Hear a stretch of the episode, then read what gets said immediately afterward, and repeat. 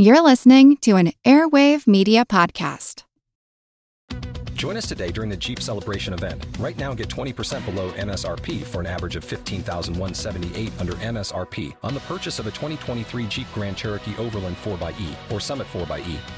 Not compatible with lease offers or with any other consumer incentive offers. 15,178 average based on 20% below average MSRP from all 2023 Grand Cherokee Overland 4xE and Summit 4xE models in dealer stock. Residency restrictions apply. Take retail delivery from dealer stock by 4 1. Jeep is a registered trademark.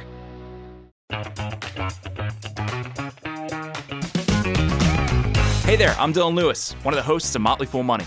Each weekday on Motley Fool Money, we talk through the business news you need to know and the stories moving stocks on Wall Street. On weekends, we dive into the industries shaping tomorrow and host the experts, authors, and executives that understand them. Tune in for insights, a long term perspective on investing, and of course, stock ideas. Plenty of them. To quote a listener, it pays to listen. Check us out and subscribe wherever you listen to podcasts. This is Kick Ass News. I'm Ben Mathis.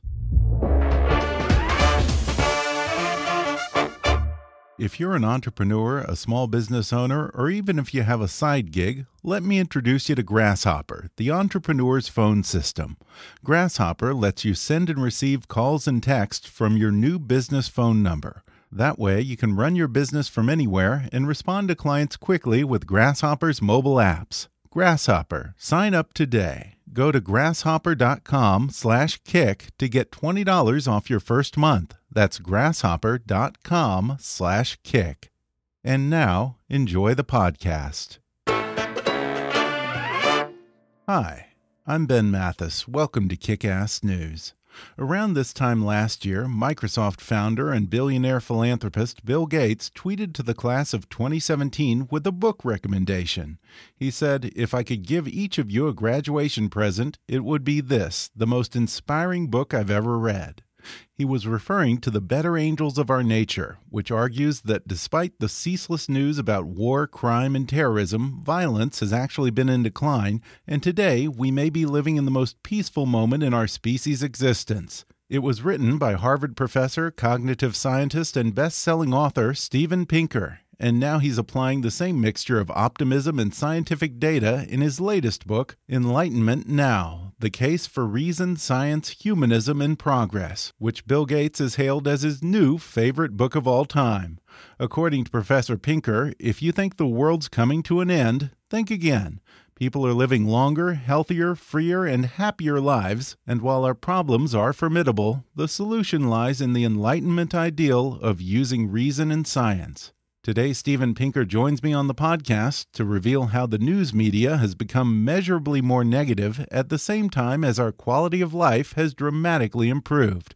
In fact, he'll outline the top 15 objective metrics of human progress, all of which point to one conclusion life is getting better and better. He says fear of globalism and income inequality is greatly exaggerated and largely unfounded. He calls for more critical thinking and less political correctness in our universities, the embrace of humanism over tribalism, and for the left and the right to stop politicizing science. Plus, why Steven Pinker would love to ban people from referring to the Trump era as a post truth society. Coming up with Dr. Steven Pinker in just a moment.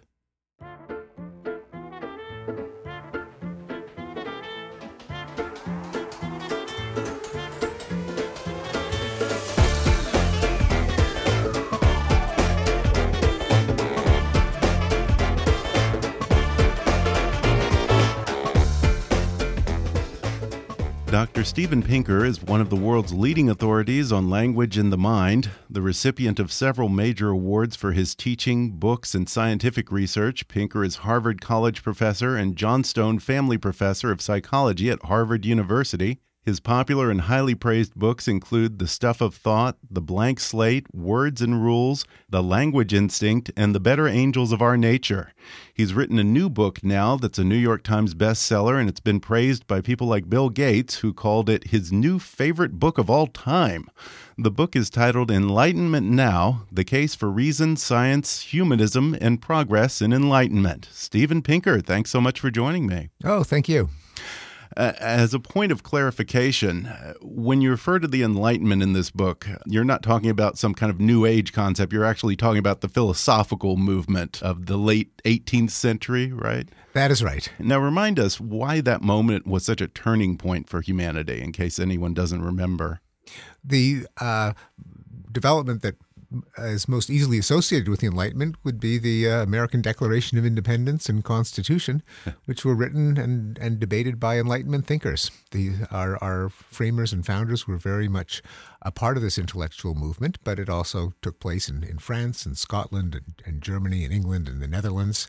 And it was the idea that we should uh, not base our understanding on uh, authority and dogma and doctrine and uh, religious ideology, but think everything through for ourselves. Try to analyze the world uh, with logic, with science, uh, and that we should use our knowledge to try to make people better off. That we should figure out uh, a uh, what morality consists of, not just by following God's commandments, but what what can we justify when we argue amongst ourselves? Things like the people uh, flourishing, the greatest number of people living long, healthy, happy lives. You can't really disagree with that, no matter what religion you subscribe mm-hmm. to. Uh, that you should treat people as uh, ends and not means to an end. That is, don't don't exploit people. Again, it doesn't matter what religion you belong to or no religion at all, and that's a, a pretty good basis for morality. Well, I would think that in this day and age, the virtues that you just described ought to be self-evident. Uh, what does it say that you even felt the need to come to the defense of things like reason, science, and humanism? Yeah, and, and to my own surprise, it's not as self evident as you might think. uh, so, reason uh, people are uh, often say, well, the Enlightenment thinkers thought that everyone was like Mr. Spock, that everyone was perfectly rational, and psychology shows us that we're filled with irrationality. So let's just give up on reason and fight demagoguery with demagoguery. I argue that's mm. that's not what the Enlightenment thinkers themselves believed. They mm. they fully knew that that humans are filled with biases and flaws, uh, but what they argued was that if we ha- adopt certain rules and norms and institutions, then we can be, as a society, smarter than any one of us is as an individual. So if you're if you have a principle like free speech, that is, you can't punish someone for their opinion. If you have open uh, debate, so that if an idea is proposed, you can try to shoot it down and see if it survives. Uh, if you uh, look at evidence, particularly for beliefs about the world, and say, well, if your theory is right, then what predictions does it make? How can we determine whether it's true or false? Uh, then we can uh, achieve rationality as a as a group, even if every single one of us was not so rational.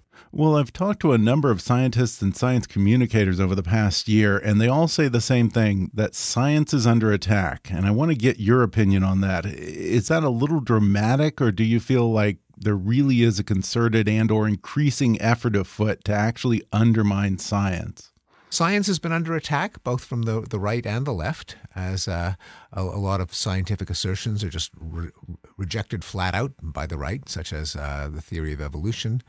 Uh, the uh, in the academic left, there are many people who think that science is just another mythology. There's no reason we should think its claims are true. It's just one other belief system, and they often blame science for mm -hmm. for slavery and racism and uh, genocide irrespective of global warming, generally, aren't people pretty much pro science? Is this a battle that we still need to fight?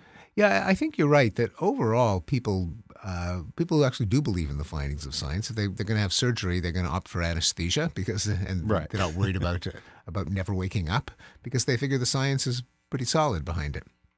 Uh, but there are a small number of issues that have just gotten uh, turned into battlegrounds. Mm -hmm. They've turned into ideological litmus tests tests for which political party you uh, affiliate with. And so the uh, climate change has just become a dogma of the Republican Party. Almost every Republican believes that it's uh, not caused by human activity. Right. Almost every Democrat believes that, that it is.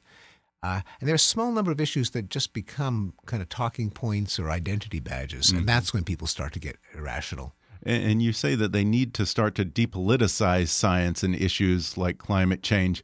Are there things that need to happen both on the right and the left in order to take the politics out of the equation and reach some measure of agreement on science, and specifically on climate change? Yeah, I think on, everything that uh, the, the the academic left and the political right um, both have uh, been resistant to evidence from the other side, and um, we need to try to make our political discourse more like science in its ideal state, namely, um, your ideology shouldn't matter, your status shouldn't matter. What matters is do your theories make a prediction that turns out to be confirmed. Yeah, and I wonder if part of the problem with the argument for global climate change is that on the right, too many people perceive it as an attack on capitalism, or perhaps even it's phrased in ways that seem like an attack on capitalism. And That's- it gets mixed in with other issues that have nothing to do with the actual science of climate change. That's right. And I think that's a huge mistake on the left. Uh, that if you use climate change as an excuse to tear down capitalism, well, a lot of people like capitalism. they don't want to see it torn down, and with good reason, because capitalist countries really are richer and freer than communist countries. We can just mm-hmm. compare South Korea and North Korea, for example. But it's a mistake to blur these issues and to use one as a great excuse to prosecute another. You spend a lot of time making the case for progress in this book and combating what you call progressophobia. Uh, where does this impulse to reject progress and focus on the negative come from? Partly it's an illusion that comes from the news, uh, that because the news is about stuff that happens, not stuff that doesn't happen. Uh, you never see a, a journalist saying, Here I am reporting from a country that hasn't been at war for 40 years, uh, or a city that has not been attacked by terrorists. Uh, the human mind is uh, judges risk and danger by examples that you can recall from memory. Um, and uh, so, if you, as long as the number of wars and killings and diseases haven't fallen to zero, which they probably never will, there'll always be enough incidents to fill the news. Since the mind doesn't really calibrate the things that it sees according to how many opportunities there were for it to take place. How big is the world? How many people are there?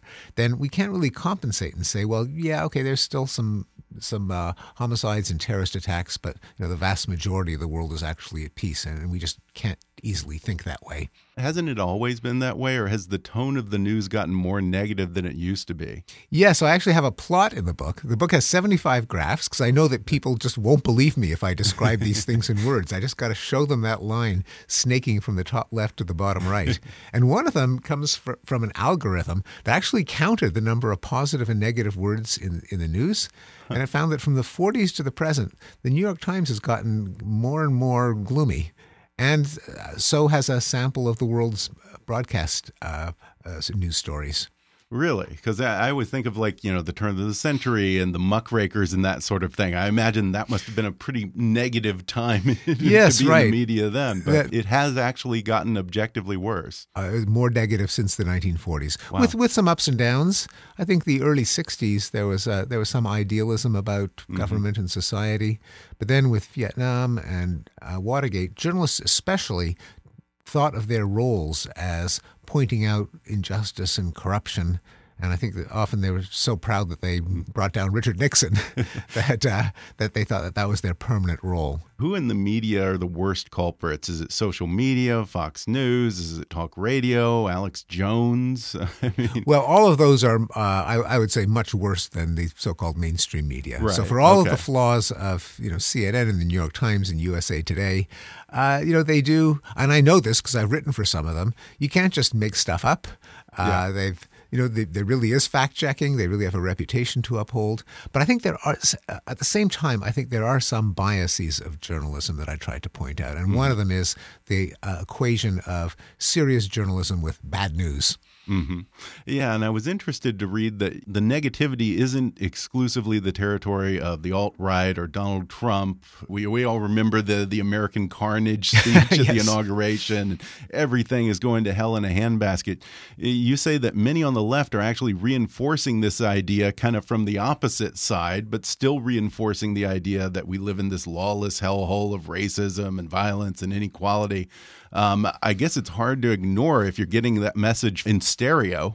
exactly. I think that's exactly right. And the, the, the Democrats kind of unilaterally disarmed. They weren't going to say, hey, wait a sec, actually, crime rate is close to an all time low. And uh, yeah, there problems in the economy with, with some workers being displaced. But uh, hey, remember the 70s when we had uh, 18% inflation and double digit unemployment and people lined up around the block just to get gasoline? Uh, things were no picnic in those days either.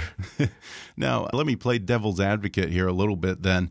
What is the danger of taking that negative view of society? I mean, is it that it leads to apathy or, or, or what? I think it can. I think that um, it, it can lead people to think, uh, well, why throw money down a rat hole? Mm-hmm. It's just uh, you know safer to help help the poor. Yeah. Or why favor? Uh, why, why why look for the best policies if you know the poor will always be with you? And uh, it can also lead to a kind of radicalism. If you think that mm. every institution is is failing, is in decline, the society just spiraling out of control, then you're going to be receptive to radicals who just want to tear everything down out of the hope that anything that rises from the ashes has got to be better than what we have now. It just couldn't be worse. Mm-hmm. Now, I, I, think that is extremely dangerous because history tells us that things can get a whole lot worse. In fact, you don't even need history; just look around the world. I mean, look at uh, look at Venezuela, look at Turkey, look at the Middle East. Uh, well, yeah. You know, on the other hand, if you believe that everything's just hunky dory, what is there to light a fire under us to strive even harder to improve? Right. Yeah, I think there's got to be an optim, optimum level of pessimism. Mm-hmm. That is, or not even pessimism, just really accuracy, Real, reality. Yeah, yeah, reality. Exactly. Well, you apply scientific perspective to, I think, about 15 measures of progress in this book. Walk us through just a few of those. Well, let's, we can begin with life itself. I mean, it doesn't get more important than that. But isn't that uh, subjective?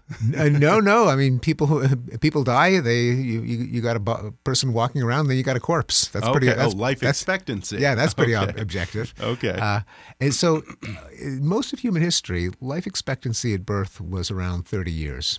I mean, now obviously not didn't mean people dropped dead on the thirtieth birthday. It meant that there were a lot of babies that died and then a, a, smaller number of people made it into their 60s and 70s. But now it's uh, in in the developed world, it's 80, and even in the world as a whole, it's 71.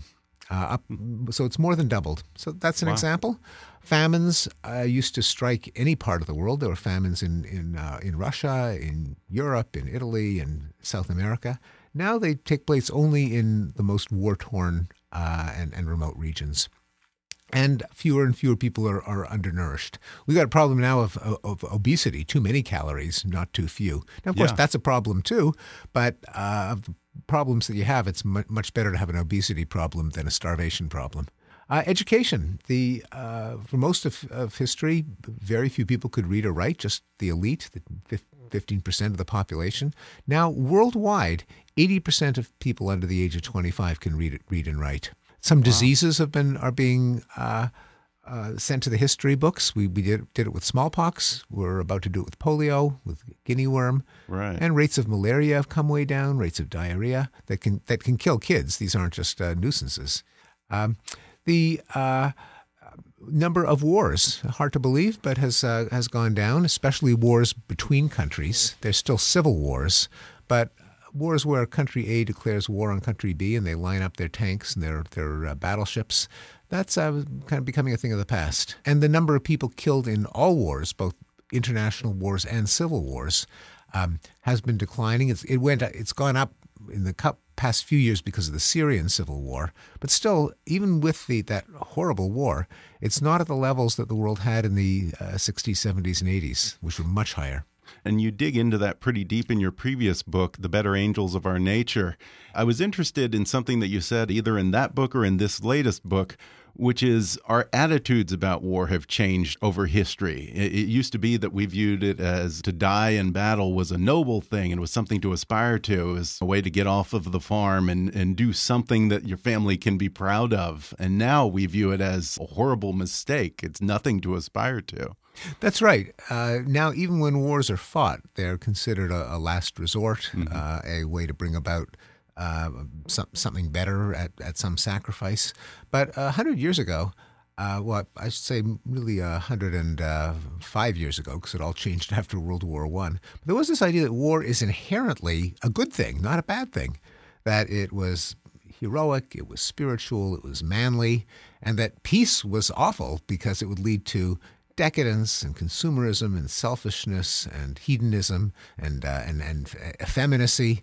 Uh, and that to be a, a, manly, virile society, you had to go to war, even if there was nothing in particular to fight about, just because war war was uh, was healthy. So that now what happened, of course, is World War One happened under that theory, and the uh, carnage was uh, horrific. That was real yeah, carnage. That was 15, the turning point. 15 million deaths. Hmm. And afterwards, to romanticize war would, would have been in bad taste at best. We're going to take a quick break, and then I'll be back with more with Dr. Steven Pinker when we come back in just a minute.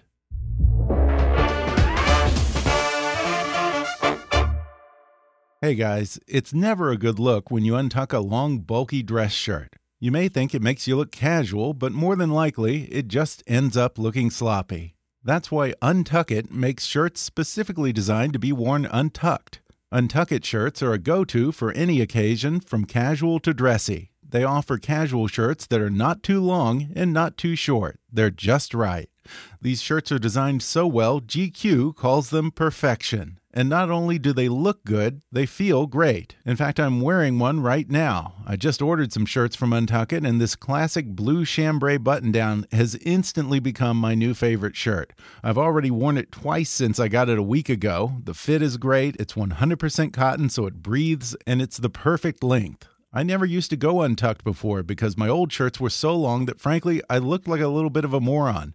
But with my Untuckit shirts, I've got stylish casual down. My girlfriend even said my Untuckit shirt actually makes me a cooler guy. Now, maybe that may be a bridge too far, but guess what? They've got her covered too, because Untuckit now makes shirts for women. Shirts for her that are casual, versatile, and designed to last. Log on to untuckit.com now and check out all their new arrivals and use the promo code KICK for 20% off your entire purchase. You can also visit one of Untuckit's more than 25 retail locations across the country. So stop hiding your shirt with your pants or your pants with your shirt. Untuckit.com, your solution for perfecting casual. Use promo code KICK for 20% savings.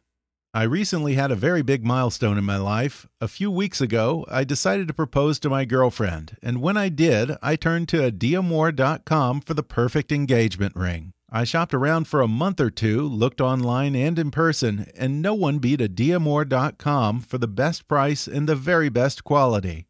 I even went down and met with the owner, Sam, in person, shook his hand, looked him in the eye, and talked about what I was looking for in a ring. He's a straight shooter, Sam, and I don't think I've ever met anyone who knows more about diamonds. He should, because his family's been in the jewelry business since 1950. Eventually, I decided on a stunning 3 carat oval stone in a beautiful 3 stone trillion setting, and my new fiance couldn't be happier. Visit adiamor.com slash kick and browse their huge selection of diamonds to choose from. You can go on their site and try different diamonds with different settings until you come up with the perfect ring for you or the woman you love. All of Adiamor's diamonds are GIA certified, and their rings have a lifetime guarantee against material defects. Plus, Adiamor even gives you 30 days to evaluate the deal and make sure that you're 100% happy with your purchase.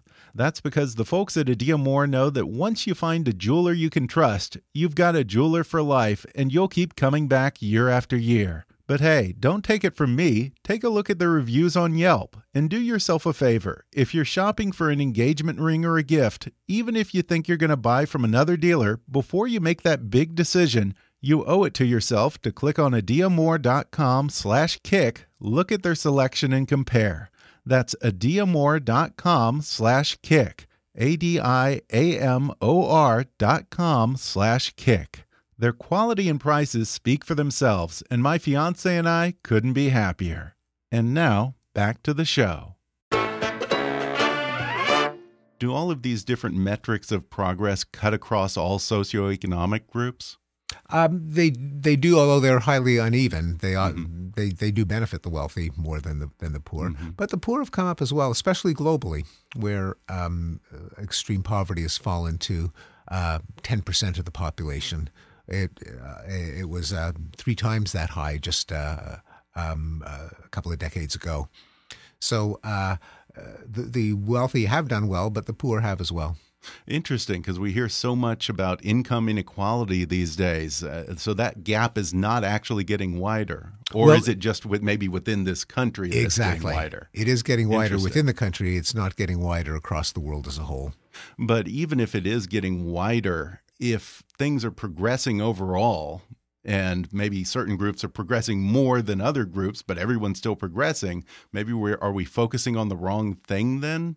Well, I tend to think that what's more important is the the people at the lower end of the scale than mm -hmm. the mm-hmm. gap between the upper and the lower end. Okay. That uh, that with a, a, a, an economy that's finding new sources of wealth, particularly on a global scale, where a people involved in in, in uh, companies in finance and creative work now have a gargantuan worldwide market, and uh, those who don't are just not going to get as rich.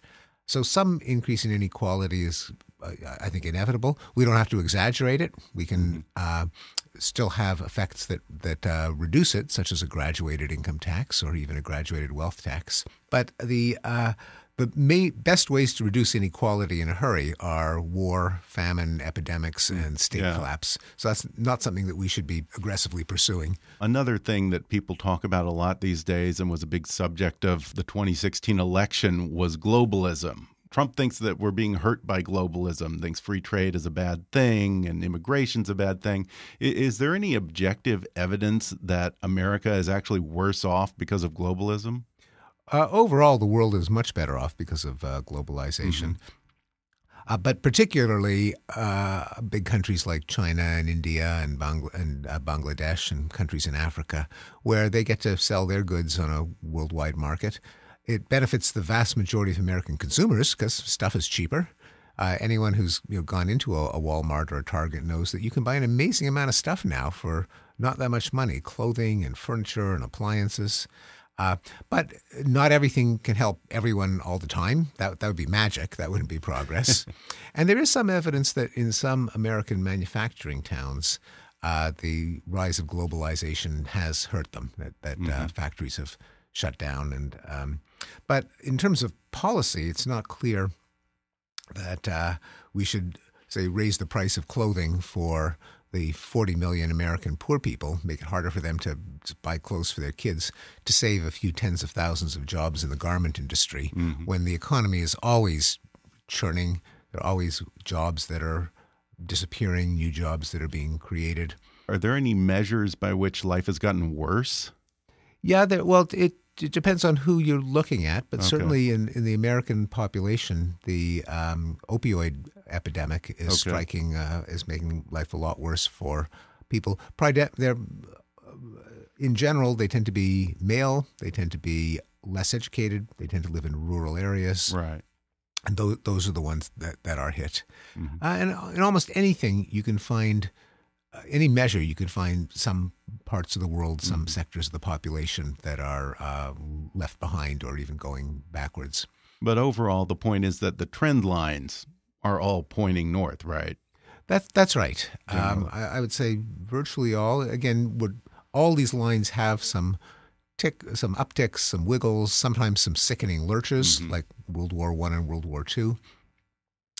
Uh, one of them, eh, the amount of uh, CO2 emitted into the atmosphere has not been going in a good direction. I mean, we're still pumping a lot of uh, carbon dioxide in the atmosphere, with which would trap heat, possibly melt some of the ice shields, um, and and could get really ugly.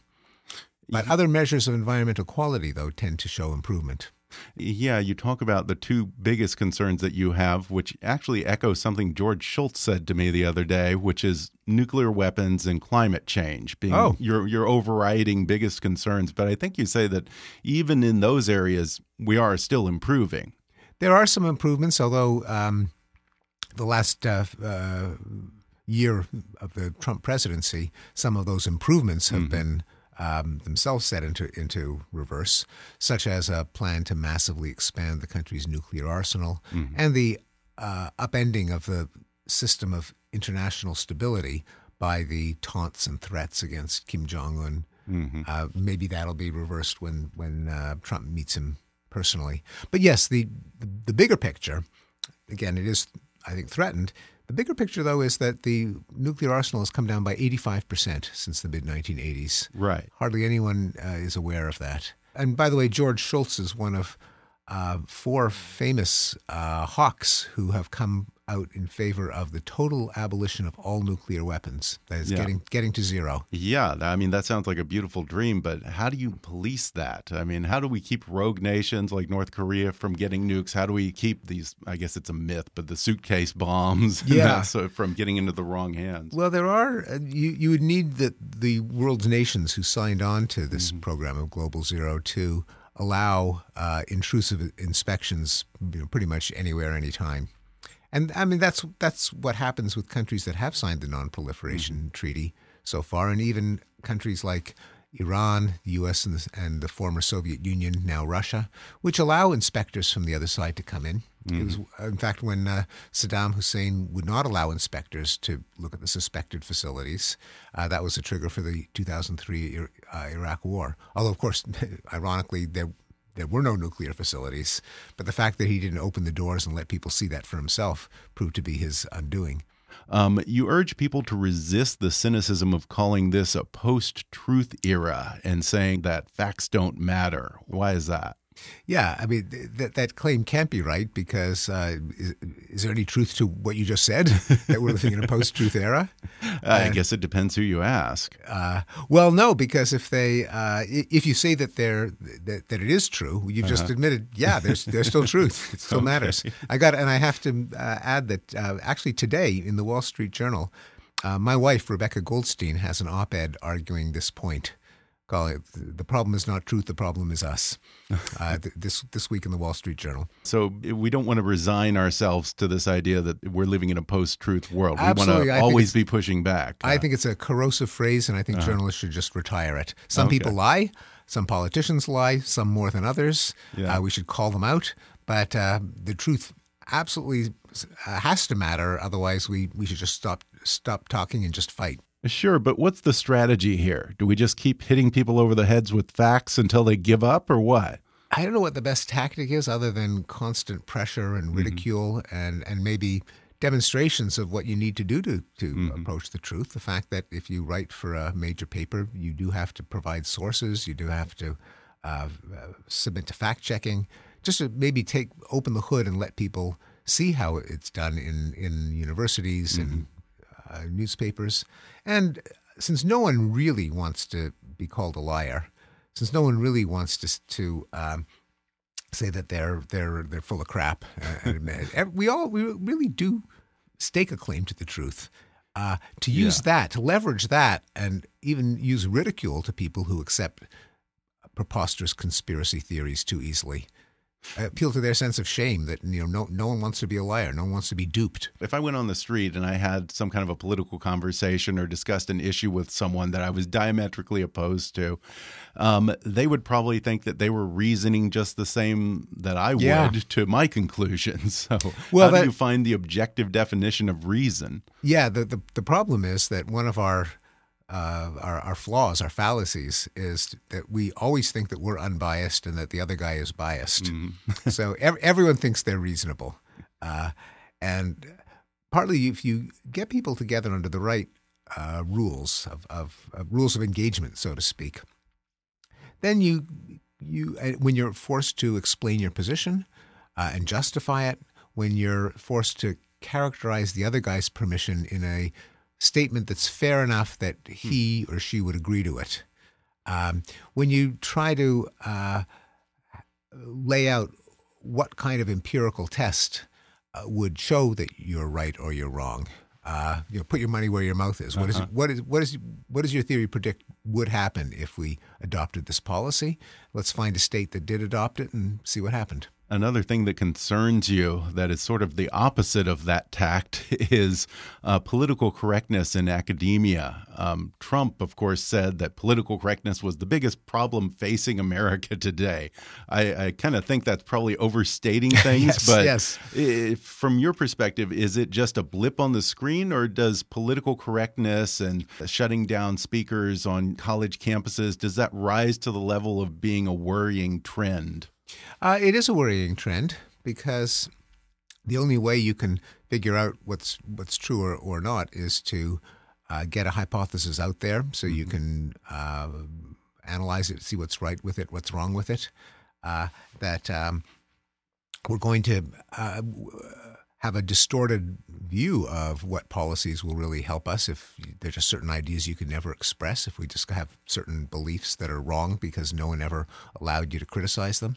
So i, I think it is a it is a problem and that science and discussion and debate and policy and analysis all work best when you've got uh, when when ideas can be put out there and, and evaluated is teaching better reasoning skills and better critical thinking is that something that ought to be taught at the academic level I, I think so. Yeah, I think that should be a, a, fundamental part of education, starting in elementary school. Mm -hmm. That we all are victims of bias and and, uh, and illusion.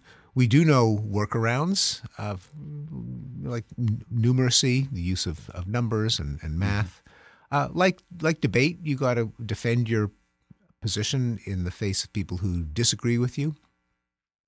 Um, but the standard critical thinking uh, curricula haven't done so hot. Uh, that is, you test students at the beginning, test them at the end, see if they're any better. Mm-hmm. often they aren't. But um, that's true of a lot of college courses in general. It's actually much harder to teach people anything than we've appreciated. But what it means is that you've got to use the right pedagogical techniques. Mm-hmm.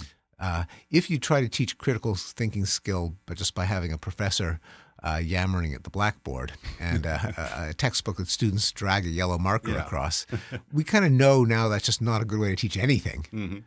Uh, and but if critical thinking is taught more in problems to be solved in small groups that break off and, and uh, try to solve a problem together while criticizing one another's uh, approaches, then uh, critical thinking skills can be taught. You just have to do it right as far as teaching ourselves to reason better independently, uh, is it as simple as seeking out sources and media that differs from your own ideology, or is yeah? That... I think that's part of it. Uh, a crucial first step. It's mm -hmm. a necessary condition, but also being uh, challenged to defend your position, challenged even to explain your position. Mm -hmm. A lot of people have very strong opinions on on Obamacare, but you ask them to explain, well, what actually is Obamacare? They kind of go blah, blah, blah, blah, and they actually have to confess they have no idea. They just know that they like it or don't like it.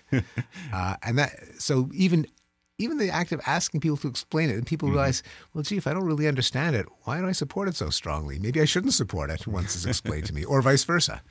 Um, is it harder, or do you meet more resistance when you try, particularly in your field, when you try to apply science to social issues? Is that a little bit of a tougher sell? It, it absolutely uh, can be. In fact, I wrote a book uh, called The Blank Slate mm. on how my own field, psychology, has been, I think, set back by the uh, doctrine that humans are blank slates. There's no such thing as human nature. Uh, we're not. We have no inborn or innate traits, but we come into the world blank, and then parents and culture and society kind of write on our slates, and that's where all the uh, operation of our minds come comes from.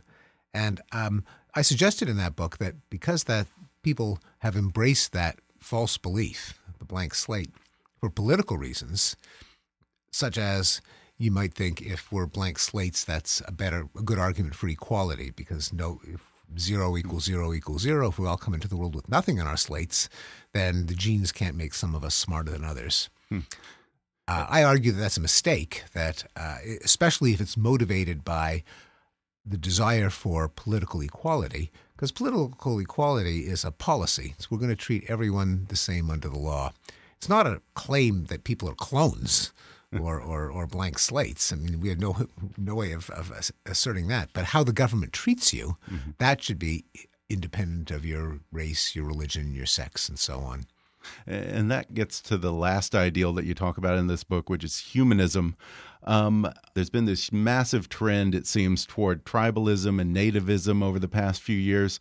Are those at odds with humanism? They are, um, because humanism would uh, hold up the individual as the our proper concern for, for morality, and that we shouldn't sacrifice uh, individual people for the good of society. I mean, you know, there, are extreme circumstances like a country under attack where you might have a, a draft, mm-hmm. but still, in planning for war, be uh, extremely mindful that these are are human beings. They're not just infantrymen. Mm-hmm. That um, they they shouldn't be. Uh, snipped off the way you might snip off a fingernail, figuring the only thing that matters is the health of the body. Mm-hmm. That each one of them is a person with a mother and a father, and possibly with uh, with children, and and with a, conscious life that shouldn't mm-hmm. be sh- cut short. And so people shouldn't be turned into cannon fodder for the glory of the uh, of the, of the fatherland or the motherland. And how do you counter that impulse to help only yourself or your tribe and to encourage people to embrace a more altruistic ideal? I mean, aren't we motivated by self interest? Isn't that innate? Well, we're not just motivated by self interest because we love our children, mm -hmm. we, we, love our, our spouses, we love our, our friends, we feel some loyalty to our teammates and our allies and our colleagues. The challenge is to expand that narrow circle of, of sympathy so that it doesn't in, embrace all all human beings, uh, and that that has been happening partly through literature and history. We see what life is like from, uh, among people in different countries or different sexes or different ages. Um, partly when you have people who have to get together and agree on something, uh, their differences are going to have to fall by the wayside, and you're going to have to focus on what they have in common, namely they're human. Mm-hmm. And even um, when you are in negotiating with someone else, uh, in conversation, in debate. You know, I, I can't say, well, when we're dividing up stuff, um, everything should go to me. And you say, why? I say, because I'm me and you're not. I mean, there's no reason you're going to take me seriously. Uh, yeah. As soon as we have a, a democrat, democratic debate, we're kind of forced to universal human rights mm -hmm. and, and universal morality. When our grandkids and our grandkids' grandkids look back, say 50 years on, what do you think will be the practices still in place today that will just appall the next generations? It's quite possible that factory farming will, will strike them as uh, barbaric. It hmm. could strike some people that way already. Probably our um, over incarceration, um, that the, are to deal with crime by locking people up for 10, 15, 20 years uh, might be seen as, as uh, extreme. Uh, hitting children, that's already starting to vanish from some countries, but corporal punishment might be seen as a uh, as an abomination. And there may be some that we don't know because we're so yeah. embedded in our own society that it just seems totally natural to us. Well, the book is just a, a, really fascinating, remarkable achievement. I encourage everyone to read it. It's called Enlightenment Now The Case for Reason, Science, Humanism, and Progress in Enlightenment. Dr. Steven Pinker, thanks so much for talking with me. Thank you. Thanks again to Professor Steven Pinker for coming on the podcast. Order his new book, Enlightenment Now The Case for Reason, Science, Humanism, and Progress on Amazon or Audible. Keep up with Steven Pinker at stevenpinker.com or on Twitter at, at @sapinker. Today's episode was sponsored by Untuckit. It's never a good look when you untuck a long, bulky dress shirt. That's why Untuckit makes shirts designed to be worn untucked. Casual shirts that are not too long and not too short. Shirts that GQ calls perfection. And I was just telling you how much I love shirts from Untuckit, especially my new favorite shirt, a blue chambray button down I got from Untuckit just last week. I love it. Check it out for yourself. Log on to untuckit.com and use the promo code KICK for 20% off. Stop hiding your shirt with your pants, or your pants with your shirt. Untuckit.com, your solution to perfecting casual. I also want you to check out adiamor.com slash kick for a huge selection of diamonds and jewelry. I recently bought my engagement ring from Adiamor, and my fiance couldn't be happier. I shopped around, but no one beat Adiamor for the best price and the very best quality. You can go on their site and try different diamonds with different settings until you come up with the perfect ring for you or the woman you love. All of Adiamor's diamonds are GIA certified, and their rings have a lifetime guarantee against material defects. Plus, Adiamor even gives you 30 days to evaluate the deal and make sure that you're 100% happy with your purchase. That's because the folks at Adiamor know that once you find a jeweler you can trust, you've got a jeweler for life and you'll keep coming back year after year. So do yourself a favor. If you're shopping for an engagement ring or even a nice gift, even if you think you're going to buy from another dealer, before you make that big decision, you owe it to yourself to click on adiamor.com slash kick, look at their selection and compare. That's adiamor.com slash kick. A-D-I-A-M-O-R dot com slash kick. If you haven't already, be sure to subscribe to Kickass News on iTunes and leave us a review. You can follow us on Facebook or on Twitter at, at KickassNewsPod. And as always, I welcome your comments, questions, and ideas at comments at kickassnews.com. I'm Ben Mathis, and thanks for listening to Kickass News.